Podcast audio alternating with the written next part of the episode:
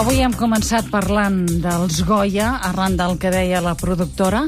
Eh, diríem que agraïa que li haguessin donat eh, aquest premi que el món del cinema tingués sensibilitat per al català i continuem i acabem parlant dels Goya, Pérez Pagès. Clar, ha estat tot plegat per tancar el cercle aquest fantàstic de nit màgica d'Oscars i de Goya, sempre Cercle toca cada virtuós, cop. no? Cercle virtuós. Cada cop el, el, els Goya trobo que com a mínim s'estan prestigiant o si més no, la gala, l'escenografia s'està tenint més en compte. Ahir feien 25 anys. I és clar, ahir va ser una cosa... Jo crec igual eh, és la meva percepció personal, però crec que és bastant compartida.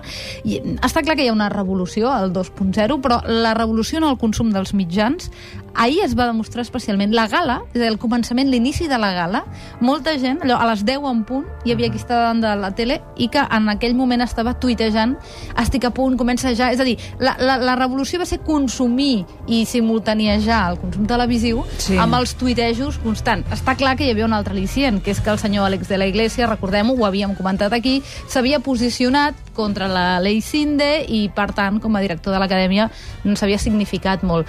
Per cert, que el seu discurs va ser, o era un dels més esperats aquella nit, i, si voleu, el podem escoltar així molt resumidament. Internet no es el futuro, como algunos creen.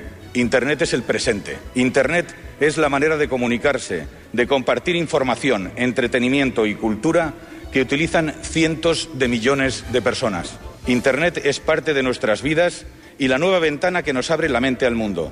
Quiero decir claramente que no tenemos miedo a Internet, porque Internet es precisamente la salvación de nuestro cine. Pam, cap a la orgasme ministra. col·lectiu, orgasme col·lectiu Al entre Twitter, tots sí. els tuitaires, gent del 2.0, bloguers de la qualsevol ciberespai. cosa se n'hi diu un orgasme.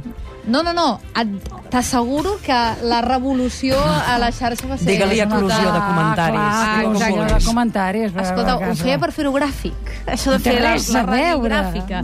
Bé, sí, com sigui, uh, realment molta Vine gent els dijous que fem sexe, ja ho veuràs. Jo us escolto ja, que que us deixeu anar, que feu por. Bé, sí, com sigui, uh, estava molt i molt esperat aquest uh, discurs. Àlex de la Iglesia va rebre Sí. 10.000 tuits de felicitació. Clar, 10.000 tuits. no, 10.000 és, és un dir, perquè en va rebre més, eh, segurament. Eh, dic, en aquells instants eh, es va revolucionar. Pensa una cosa, Buenafuente, presentador de la gala, i Àlex de la Iglesia, tots dos en la seva foto de Twitter, per cert, un nas vermell, així rodó, que sembla que els de Germani, tenen moltíssims seguidors i entre tots dos han generat tota una comunitat de tuitaires al seu voltant. Per tant, ells eren protagonistes. Hi havia, per exemple, un altre actor, l'Eduardo Noriega, que a més a més tuiteja a vegades en català, que eh, explicava la gala allò minut per minut, un seguidor compulsiu de Twitter. Un altre actor, com el Quim Gutiérrez, va fer fotos entre bambalines i les penjava a Twitter dient estic a punt de sortir a donar el premi. És a dir, estem vivint els premis a través, sobretot ara, d'un ús més generalitzat de Twitter, com no els havíem viscut mai. És a dir, aquesta sensació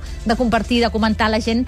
bé, La, la gent i els comentaris generats pels tuitaires eren espectaculars, molta mala llet, aquest que calli, quin discurs més llarg, quin rotllo... Clar, és a dir, és com veure entre milions d'amics que no diguin mai més que l'experiència de Twitter és una cosa solitària, un geek, un nerd perdut a casa seva. No, no. La idea Som- és compartir. En Som-hi que volem sentir els Yacine i els Oriental Group, mm. a Yacine and the Oriental Group, encara una, un instant més. Doncs llavors eh, acabem, abans de parlar amb notícies de viatges, els que us puc explicar, i no cal que us ho digui, però sí que una de les notícies destacada del Mobile World Congress té a veure amb els videojocs. Ho explicàvem avui, eh, quan connectàvem amb aquest congrés. Som-hi! Recordem que fins al 17 de febrer és aquest congrés el més important del món, gairebé 800 operadors de telefonia mòbil. Quina és la notícia? I aquestes... N'hi haurà moltes, eh? Sobretot tenint en compte que això comença avui, teòricament, però ahir, el diumenge, es pot considerar el dia zero d'aquest Mobile World Congress. Grans empreses com Samsung, com Nokia i com Sony Ericsson han fet ja la seva conferència oficial. Parlant de marques i de subministradors, a part de la fusió entre Nokia i Windows, que mereixeria un capítol a part i estaríem hores discutint. Um, destaquem que Sony, això, atenció, els amants del videojoc i els que us canvieu el mòbil cada sis mesos. Sony Ericsson presenta el primer mòbil PlayStation. Es diu Xperia TM. Ui, la que ens ve a sobre. Sí o no? És la perdició total. Combina una experiència de joc, clar, amb una qualitat PlayStation, amb la tecnologia d'un smartphone Android, una pantalla multitàctil de 4 polzades i una càmera de 5 megapíxels. Clar, clar, a més a més, funcions especials... Això baratet, no? Ho trobarem? Baratet no ho sé, No, però ho trobarem que és la gràcia, és a dir, el preu te l'acabarem definint dues setmanes, però l'1 d'abril aquí ja estarà disponible. L'1 d'abril, que és ja. Ja. Vull dir que això és ja. I acabem amb un consell per viatjar relaxadament. Anem a relaxar-nos i ara viatgem. Molt relaxats no? que Molt, molt, que anem ràpidament. Ip Munk. Quedeu-vos amb aquest concepte. Ip Munk. H-I-P-M-U-N-K. Us deixo els links, com sempre, a la pàgina web del Secret.